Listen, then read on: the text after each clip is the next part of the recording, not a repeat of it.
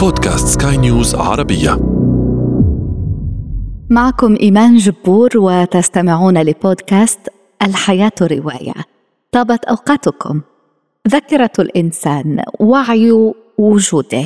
عندما تغيب لا يبقى أي شيء. في هذا العدد مختارات أدبية عن الأمنيزيا أو فقدان الذاكرة. متابعة طيبة. الحياة رواية على الإنسان ألا ينبش في الذاكرة إذا أراد أن يكون سعيدا وصية من الكاتب والفيلسوف إيميل سيوران لكن ماذا إن لم يكن لدينا ترف الاختيار؟ ماذا إن غادرتنا الذاكرة حاملة معها كل ما يخصنا؟ Lay your head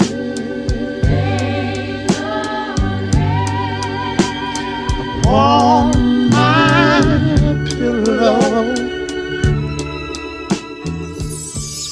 كثيرا ما يقال لكي تكون سعيدا عليك أن تعيش في الوقت الحاضر فتخيل اذن أن تكون ذاكرتك غير قادرة على الاحتفاظ بالشيء بعد انقضاء ثمانين دقيقة وأن عليك أن تعيش حياة بأكملها في غضون تلك الدقائق الثمانين.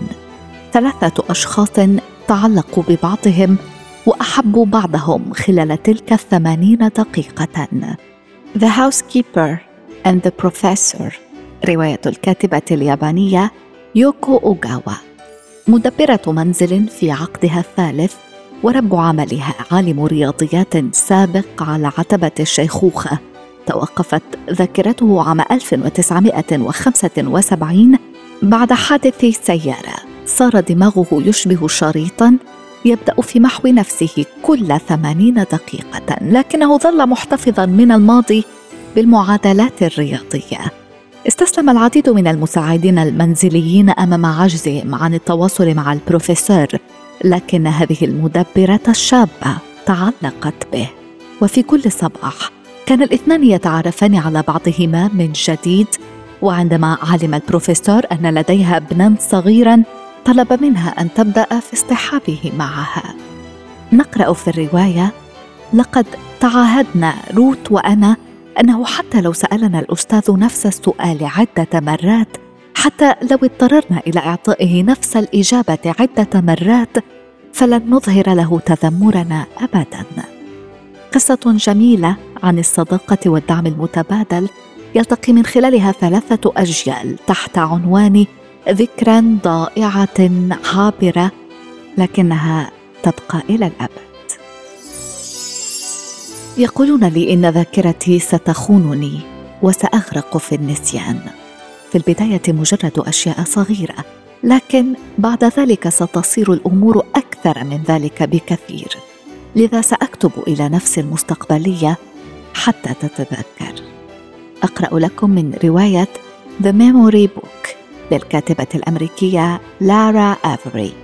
سام الشخصيه الرئيسية في هذه الرواية شابة طموحة تحلم بأن تصير محامية وأن تذهب للعيش في نيويورك بعد التخرج.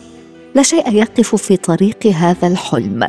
حتى المرض الجيني النادر الذي يبدأ شيئا فشيئا في التهام ذكرياتها وصحتها الجسدية. تهتدي سام إلى كتابة مذكراتها لتستعين بسطورها حين لن يكون بمقدور ذاكرتها أن تسعفها. والغاية الا تنسى أي شيء على الإطلاق. ستقوم بتدوين كل التفاصيل. بما في ذلك لقائها الأول مع محبوبها رواية تمنح الأمل تؤمن بالفرصة الثانية والصداقة والحب الكبير My name is Christine Lucas and I'm an amnesiac. Tonight, as I sleep, my mind will erase everything I know today.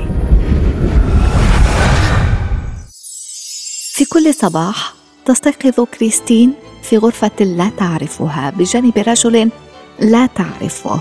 يقول لها في كل صباح إنه زوجها اسمه بن وإنها تعرضت لحدث خطير جعلها تفقد ذاكرتها. تنظر إلى نفسها في المرآة فتشعر بالدهشة وهي تكتشف تجاعيد وترهلات لم تعهدها أين ذهب شبابها؟ في كل صباح يصحبها زوجها في جولة ليريها المنزل قبل أن يتوجه إلى العمل. بعد ذلك يتصل بها طبيبها النفسي الذي يتابع حالتها منذ سنوات. يخبرها بأنها تكتب كل يوم ويخبرها أين تخفي مذكراتها وبمجرد أن يغلق الهاتف تسرع لقراءة الصفحات الأولى حتى تصل إلى تلك الجملة غير المفهومة. لا تثقي. ببن.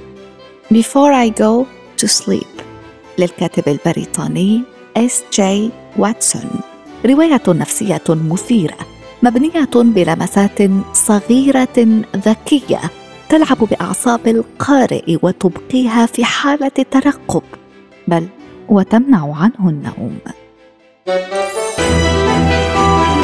الحياة رواية. وأشكركم على طيب إصغائكم. لقاؤنا يتجدد في عدد مقبل. دمتم بخير.